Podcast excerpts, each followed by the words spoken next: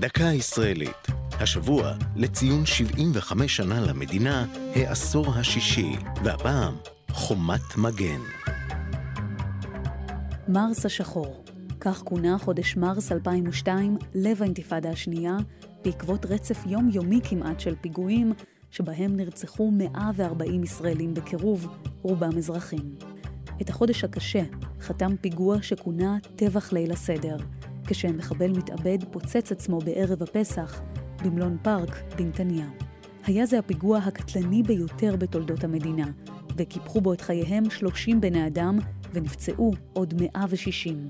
פיגוע זה נחשב למניע העיקרי למבצע חומת מגן ביהודה ושומרון, שעיקרו איתור ולחימה במחבלים בערים הגדולות באזורים אלה.